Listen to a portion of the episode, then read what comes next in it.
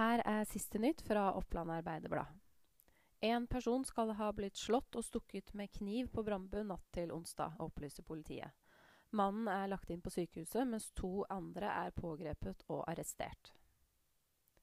Natt til onsdag ble det også meldt inn en rekke støyklager over hele distriktet. Spesielt mange klager kom fra området rundt fastlandet i Gjøvik, opplyser operasjonsleder Stig Kolstad til Oppland Arbeiderblad onsdag morgen. Øveråsen skal være nær en avtale med Gjøvik kommune om tomt for ny fabrikk. Etter det OA erfarer, er det en tomt ved Skjervenskog i Hunndalen som nå er mest aktuell. Og Sondre Sagstuen vant budkrigen og sikret seg dy den dyreste boligen i Gjøvik. Denne og flere eiendomsoverdragelser kan dere nå lese om på oa.no.